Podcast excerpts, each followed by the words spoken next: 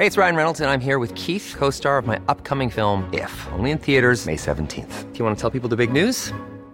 All right, I'll do it. Sign up now and you'll get unlimited for $15 a month in six months of Paramount Plus Essential Plan on us. Mintmobile.com slash switch. Upfront payment of $45 equivalent to $15 per month. Unlimited over 40 gigabytes per month. Face lower speeds. Videos at 480p. Active Mint customers by 531.24 get six months of Paramount Plus Essential Plan. Auto renews after six months. Offer ends May 31st, 2024. Separate Paramount Plus registration required. Terms and conditions apply if rated PG. It's that time of the year. Your vacation is coming up. You can already hear the beach waves, feel the warm breeze, relax, and think about work. You really, really want it all to work out while you're away. Monday.com gives you and the team that peace of mind. When all work is on one platform and everyone's in sync, things just flow wherever you are. Tap the banner to go to Monday.com. This is Paige, the co-host of Giggly Squad, and I want to tell you about a company that I've been loving, Olive and June. Olive and June gives you everything that you need for a salon quality manicure in one box. And if you break it down, it really comes out to $2 a manicure, which is absolutely insane. It's also so easy to get salon worthy nails at home with Olive and June. The difference between how your nails used to look when you did them yourself and now with the Manny system is a complete game changer. The best thing about Olive and June too is it's a quick dry. Dries in about one minute, lasts for five days, and full coverage in up to one to two coats. Visit oliveandjune.com slash perfect Manny 20 for 20% off your first system. That's oliveandjune.com slash perfect Manny 20 for 20% off your first system. Du lytter til en podcast fra TV2.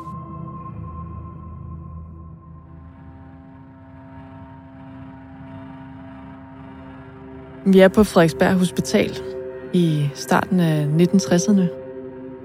De her store gule bygninger på afdeling D, som er den psykiatriske afdeling, går der en trappe ned. Og her kommer man ned i en kælder med en lang gang. Og i den her gang, der er der forskellige rum. Meget spartanske rum. Der er faktisk ikke andet end en stol, en seng og et bord. Og det er her, at omkring 400 patienter er blevet behandlet med det psykedeliske stof LSD, som øh, for flere har haft fatale konsekvenser.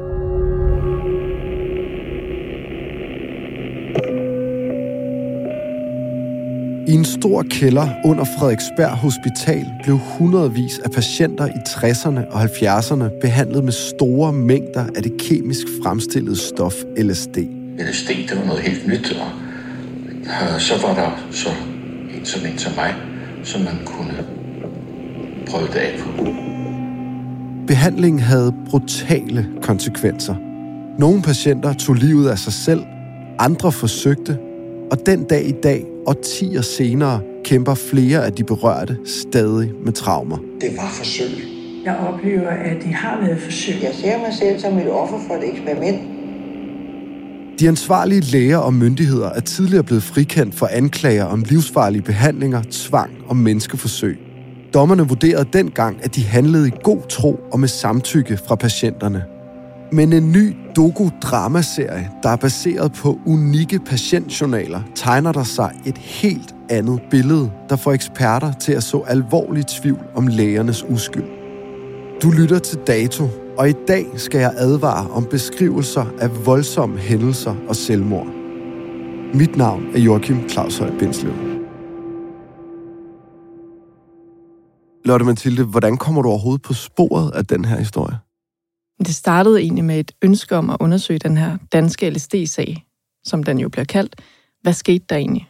Og så var der en forfatter, som var i gang med at skrive en roman om samme emne, som hedder Malene Ravn, som havde fået kontakt til familien til en af de her læger, som var med til at give de her LSD-behandlinger. Og herigennem kommer jeg i kontakt med familien til Ketty Kærby Christensen, som var en af de LSD-læger, som behandlede patienter på Frederiksberg Hospital. Tak. Jeg er spændt på at se, hvordan ja. er, du har gjort ja. derhjemme. Ja, men, øhm, men øh, altså, jeg har det ovenpå.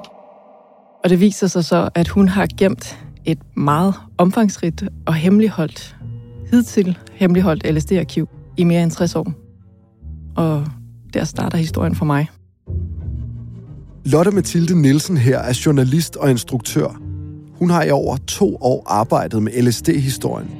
Et arkiv, der kan så tvivl om myndighedernes afgørelse i en af Danmarks mest bizarre medicinalskandaler.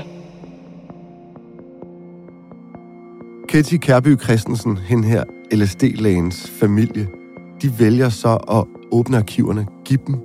Hvorfor gør de det? De har selvfølgelig selv en masse spørgsmål til, hvorfor har hun gemt det? Hvorfor har hun ikke bare makuleret eller destrueret det? Fordi det også har været en historie, der har fyldt meget i deres familie. Der har været skrevet rigtig meget om den her sag, og der har også været rigtig meget kritik af de her læger. Så de undrede sig selvfølgelig over, der må alligevel være en grund til, at hun har valgt at gemme det her. Og det stod jo inde i sådan et, øh, et skab med store bogstaver, LSD, så de tænkte jo også, måske har hun haft et eller andet ønske om, at øh, det her skulle komme frem.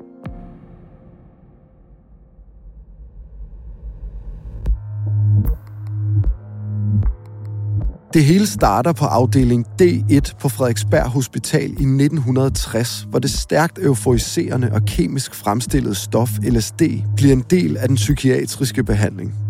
I spidsen for det hele står overlæge Ejner Gert Jørgensen, og under ham altså Ketty Kærby Christensen, der ender med at lave det her LSD-arkiv, som Lotte Mathilde Nielsen får fingrene i. På det her tidspunkt, hvor man begynder at bruge LSD til behandling af psykiatriske patienter, hvordan ser man så på det stof? Altså det her, det blev præsenteret som en mirakelkur mod psykiske lidelser. Ejner Gert Jørgensen fortæller selv, at øh, der faktisk nærmest ikke er nogen grænser for, hvad man kan med det her. Altså det kan helbrede skizofreni, depression, angst. Man kan også bruge det mod alkoholisme. Og selvfølgelig også en lang række ting, som man jo i dag ikke vil se som en sindslidelse, altså homoseksualitet. Øh, folk, der stammede, kunne det også kurere. Altså, der var faktisk ikke nogen grænse for, hvad det her stof det kunne. Hvorfor er de så sikre på, at det her middel, det bare er, du ved, midlet over dem alle? Det kan faktisk egentlig også undre mig, når jeg læser det. Fordi når man så læser lidt nærmere i det her gemt LSD-arkiv, så kan jeg jo se, at mange af deres første notater og videnskabelige artikler omkring det her, der skriver de, at de faktisk ikke er helt klar på, og faktisk heller ikke kan blive helt enige om, hvordan det her virker. Og der er også en, sådan en, en fælles overbevisning om, at det her det er på forsøgsstadiet. Men det er i hvert fald spændende at blive klogere på. Så jeg tror, at det har handlet mere om en tro og et håb på, at måske kan det her stof virkelig noget, men uden man egentlig har været på sikker grund overhovedet. Vil du ikke tage os med ned i kælderen på Frederiksberg Hospital? Altså, hvad skal man se for sig i forhold til, hvordan den her behandling foregik? Frederiksberg Hospital består jo af en øh, lang række forskellige bygninger. Det er gule murstensbygninger. Og så er der så en af de her bygninger, hvor der under er en kælder. Det er afdeling D.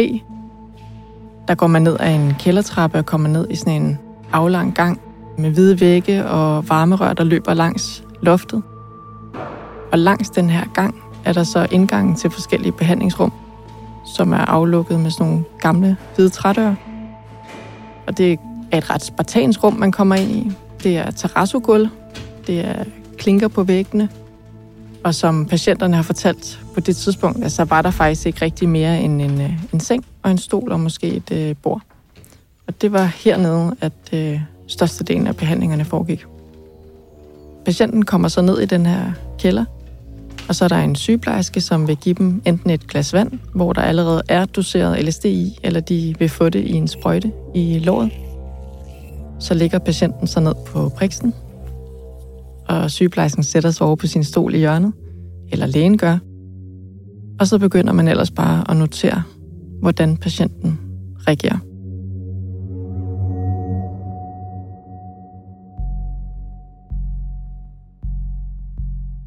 I spidsen for det hele, der stod lægen Ejner Gert Jørgensen. Hvem var han?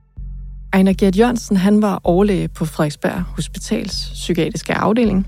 Han var en mand, der fyldte meget, både sådan i sin fysiske fremtoning, han var meget høj, bredskuldret, men også når han ligesom trådte ind i et rum, var han en person, der fyldte meget. Han var en, man lyttede til. Hvorfor kunne disse angstneurose tilfælde tiltage den grad? Jeg ved det ikke, jeg har spekuleret meget på det, jeg tror ikke det. Og han var en person, der sådan med sin begejstring og sådan autoritet, altså ligesom kunne overbevise alle om, at det han sagde og gjorde, det var det rigtige. I det her gemte arkiv er det også helt tydeligt, at Øh, lægen Ketty Kærpe Christensen også har været ekstremt fascineret af Ejne Gert Jørgensen. Han har sendt hende flere artikler og billeder af sig selv, Blandt andet en øh, artikel som øh, med overskriften Den store gode læge, som han selv skriver, at han faktisk har betalt for at få skrevet, fordi han synes, der var blevet så stille omkring hans person. Og så samtidig har han faktisk også øh, åben og ærlig omkring, at han selv lider af depression til tider. Din indgang, Lotte Mathilde, til den her historie, det har jo i høj grad været Ketty Kærby Christensens familie. Hvordan kommer hun egentlig ind og bliver en del af den her LSD-behandling? Her skal man se en ung kvinde på 25, som bliver færdig på lægeuddannelsen i midt af 1950'erne. To år efter, så får hun muligheden for at komme på Frederiksberg Hospital under Ejner Gert Jørgensen, og faktisk kun to år efter, altså hun er stadig under uddannelse som kandidatlæge til at blive speciallæge, så hun er jo stadig sådan helt nyudklækket læge. Og der, der peger han på hende og siger, du skal være med til at behandle patienter med det her nye stof, LSD. Du får dine egne patienter, du får lov til at skrive videnskabelige artikler, vi skal på udlandsrejser. Så for hende var der jo den her kæmpe mulighed, og ham her, altså Ejner Gert Jørgensen, var en af Danmarks førende psykiater på det her tidspunkt. Op igennem 60'erne og starten af 70'erne bliver der foretaget omkring 2.000 LSD-behandlinger, primært i kælderen under Frederiksberg Hospital.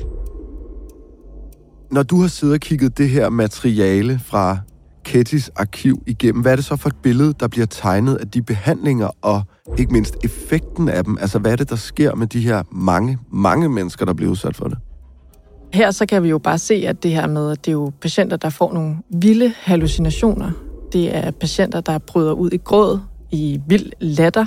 Det er patienter, der bliver aggressiv, altså sådan smadrer en stol. Der er eksempler på patienter, der sådan har taget deres hånd og banket gennem en glasrude.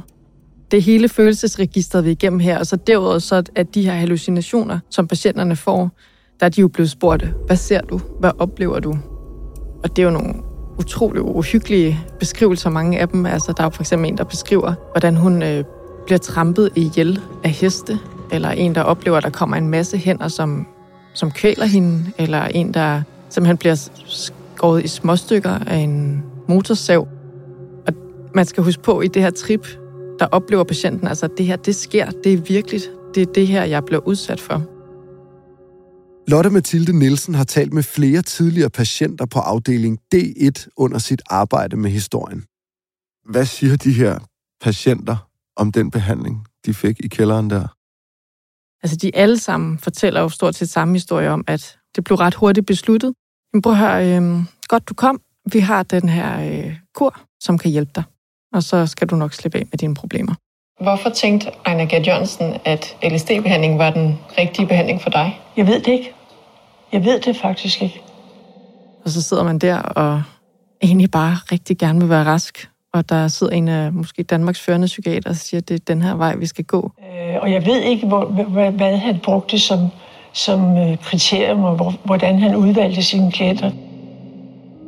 En af de patienter, du taler med, hun hedder Kirsten Due, og hun ender med at blive voldsomt mærket efter den her LSD-behandling.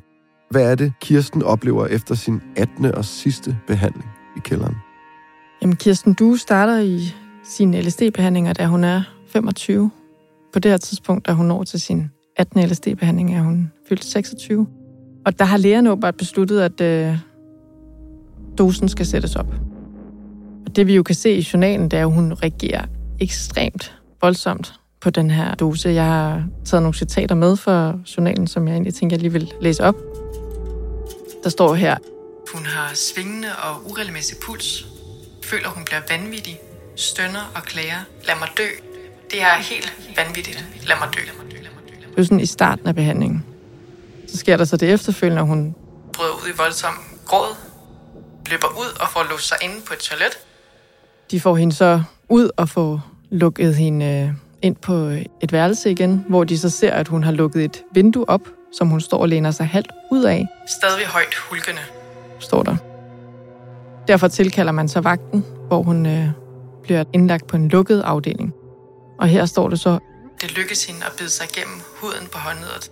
Så hun har simpelthen bidt sit eget håndled op i den her LSD-rus.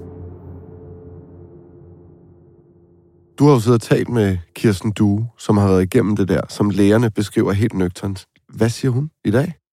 Hun var jo helt ødelagt efter den her behandling. Altså, hun siger, at hun kunne dog nok stå på sine ben. Hun oplevede faktisk også, at hun lidt mistede evnen til sådan at sammensætte sætninger, altså sit sprog. Altså, hun skulle virkelig sådan generobre sig selv.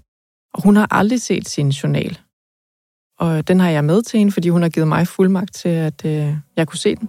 Jeg har jo fået adgang til din patientjournal, som du aldrig har set før. Kunne du tænke dig at høre, hvad de selv har skrevet om din sidste behandling? Jamen, det kan være, at jeg bliver meget vred. Ja.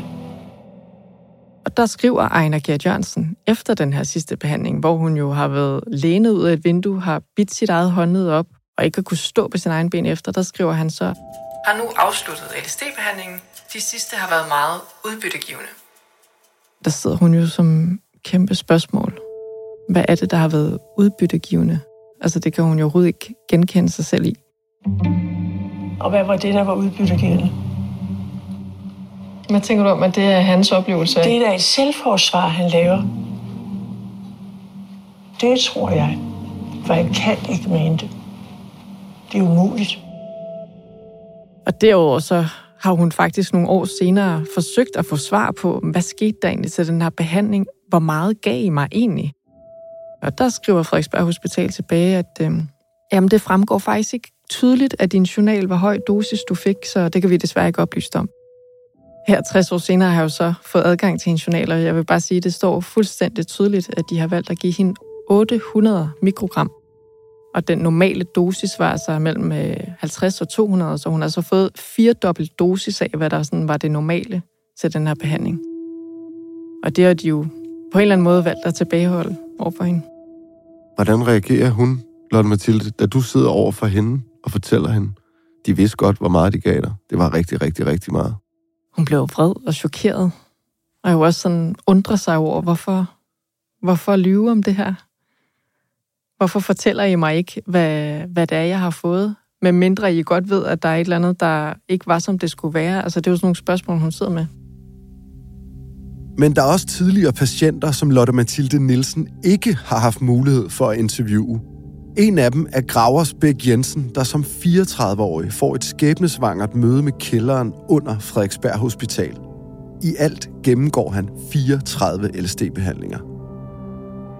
Til hans sidste LSD-behandling, der står der, at han får en, en kosmisk oplevelse ude for tid og rum. Altså, hvor man er sådan et helt andet sted. Der står også, at han har ligget og grædt. Og så forlader han afdelingen. Og så en time efter, han har forladt afdelingen, så, øh, så skyder han sig selv. Familien til Graversbæk Jensen kontakter Ketty Kærbe Christensen, som er den behandlende læge. De vil gerne have et møde for at forstå, hvad der er sket. Altså, har det her noget med behandlingen at gøre? Vi troede egentlig, at han var i bedring, og hvad foregår der? Og de holder så et møde, og det her møde er også skrevet ned i Kirti Kærby Christensens øh, arkiv, hvor hun siger, det her kan ikke forbindes til LSD-behandling, og det her selvmord, der må være tale om en kortslutning, en pludselig opstået indskydelse. Men det vi så også kan se, det er jo, at i den her patientjournal, der står jo, at han gentagende gange har luftet selvmordstanker så derfor er det jo svært at kalde det en pludselig opstået indskydelse eller en kortslutning, når de godt vidste, de havde med en ekstrem selvmordstruet mand at gøre. Plus at hun så skriver et andet sted, at øh, det her selvmord kunne have været undgået. Hvis de havde sat dosen ned, og han var blevet behandlet under indlæggelse. Hvor mange endte lige så tragisk som Gravesbæk Jensen af de her patienter? Altså, jeg har ikke det endegyldige tal på, hvor mange, der har forsøgt at tage deres eget liv, eller som har endt med at gøre det. Men vi, vi kan i hvert fald sige, at, og det er jo det, der ligesom også er en stor kritik, det er, at lærerne vidste godt, at selvmord eller selvmordstanker var en risiko ved de her behandlinger. Det står i indlægssiden. Det står i deres allerførste artikler, har de skrevet, største fare ved behandling af selvmord. Og det er endda sådan understreget med sådan en kuglepind undervejs. Og allerede efter tre år, der vælger de at sige, lad os lige tage en status. Lad os se, hvordan det er gået med de her patienter. Og der de, skriver de så, at øh, i den her treårige behandlingsperiode, der har der været øh, fire selvmordsforsøg.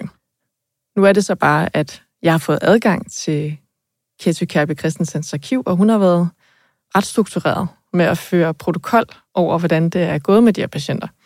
Og der kan jeg jo se, at i den samme periode, hvor de skriver, at der kun har været fire selvmordsforsøg, men der har der i virkeligheden været 10 selvmordsforsøg. Og det kan jo igen også undre, når man sidder og læser dem, hvorfor har de været interesseret i at tilbageholde den her information frem for at lægge det frem, at tallet er langt højere. Det ender med en retssag mod blandt andre overlæge Ejner Gert Jørgensen, der finder sin afgørelse i 1976. Hvad er det, der udløser den retssag helt konkret? Det er faktisk en konkret patient, som i årene op til, at den her stævning kommer, allerede har prøvet at råbe myndighederne op. Han har klaget til hospitalet, han har klaget til Sundhedsstyrelsen, han har været til Folketingets ombudsmand, han har været til Retslægerådet. Og alle ligesom siger, at der er ikke noget at komme efter. Og han vælger så til sidst at sige, prøv nu stævner jeg dem. Fordi han er fuldstændig overbevist om, at han er blevet skadet af den her behandling, og han har været udsat for forsøg. Og i samme periode er der også flere patienter, der ligesom melder sig på banen med samme kritik. Og det hele kulminerer jo i, at der kommer den her retssag i Østerlandsret, hvor de to overlæger, Mogens Hertegn og Gert Jørgensen, samt Sundhedsstyrelsen, ligesom skal ind og forsvare sig mod de her anklager. Og hvordan går det så? De bliver i hvert fald ikke dømt, kan man sige. Altså, de går fri. Konklusionen er, det var ikke forsøg. Der er ikke nogen, der har været udsat for ulovlig tvang, og de her behandlinger var ude over forsøgsstadiet. Så der var altså ikke tale om forsøg. Men de har jo heller ikke haft adgang til Ketty Kærby Christensens gemt LSD-arkiv. Altså, det, det har allerede stået gemt der. Retten er jo ikke klogere end de beviser, der bliver lagt frem. Og her er der ligesom et hold læger, der står fast på, at alt gik efter bogen. Altså, jeg kan ikke høre det, når du forklarer det på den der måde, på anden måde, end at øh, de der læger bare har rådtet sig sammen og løjet Østerlandsret lige op i hovedet. De ved jo godt, der var tvang. De ved jo godt, at det var på forsøgsbasis. Man kan i hvert fald sige, at de har tilbageholdt viden, som godt kunne have gjort, at sagen måske havde fået et andet udfald. Men oplysningerne fra Ketty Kærby Christensens arkiv kaster nyt lys over sagen. Du har forelagt det her for juridiske eksperter. Hvad siger de om, hvordan en retssag vil være faldet ud, hvis det, du sidder med, var frem i retssagen? Den har været undersøgt til to omgange. Eksperternes konklusion er, at de her afgørelser de er forkerte. Altså, det er ikke rigtigt, at der ikke er lavet forsøg, når man ser på det, der er i Kettys arkiv. Det er ikke rigtigt, at øh, patienter ikke har været udsat for ulovlig tvang, når vi gennemlæser de her mange patientjournaler. Og det er heller ikke rigtigt, at de ikke vidste, at der var tale om en farlig behandling. Fordi det er det allerførste, de skriver i deres første artikel, at den største fare er selvmord, som man må sige er en ret alvorlig konsekvens ved en behandling. At man faktisk kan dø af den.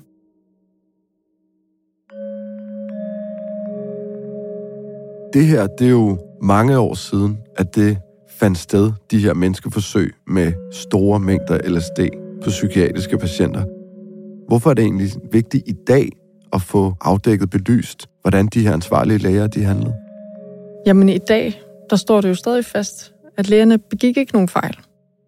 Der var ikke tale om forsøg. Der er ikke nogen, der har været udsat for en farlig behandling eller ulovlig tvang, og øhm, det synes jeg, der skal undersøges, fordi nu er der jo ligesom blevet kastet tvivl omkring det. Både så vi som samfund kan lære sådan en sag, hvad gik galt? Altså, du blev også ved med at stille mig spørgsmålet. Hvorfor blev lægerne ved? Hvorfor kunne de blive ved? Måske er det også fint at få kastet lys over det. Og så synes jeg da også samtidig for alle de patienter, som endnu i snart 60 år har levet med, at, øh, at alt gik efter bogen, og de ikke har været udsat for noget overgreb, når noget tyder på, at det har de. Det synes jeg også, de fortjener at få den anerkendelse, at det her bliver undersøgt ordentligt og til bunds. Lotte Mathilde Nielsen har efter arbejdet med historien skrevet en journalistisk rapport og forelagt kritikken fra programmerne for Indrigs- og Sundhedsministeriet. Og de har vendt tilbage, at sagen ligger langt tilbage i tiden, og de ikke på nuværende tidspunkt har mulighed for at forholde sig til kritikken. Så det er der, den står lige nu. Vi ser jo faktisk i dag, Lotte Mathilde, at man i den psykiatriske forskning igen har kastet opmærksomheden på behandling med psykedeliske stoffer. Efter du har beskæftiget dig med det her, hvad tænker du så om, at man gør det? Hvad er ligesom læren for det her LSD-eksperiment? Det er vigtigt for mig at sige, at øh, dokumentaren tager overhovedet ikke stilling til, hvorvidt LSD eller psilocybin, det andet psykedeliske stof, er en god eller en dårlig idé.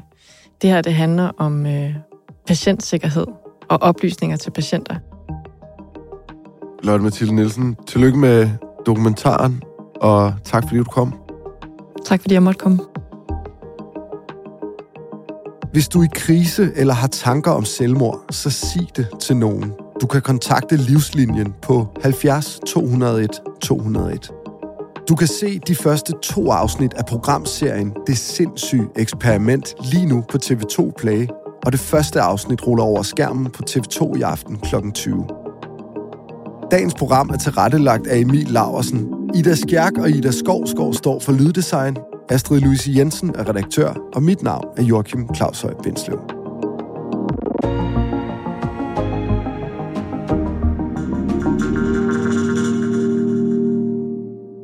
lyttet til en podcast fra TV2.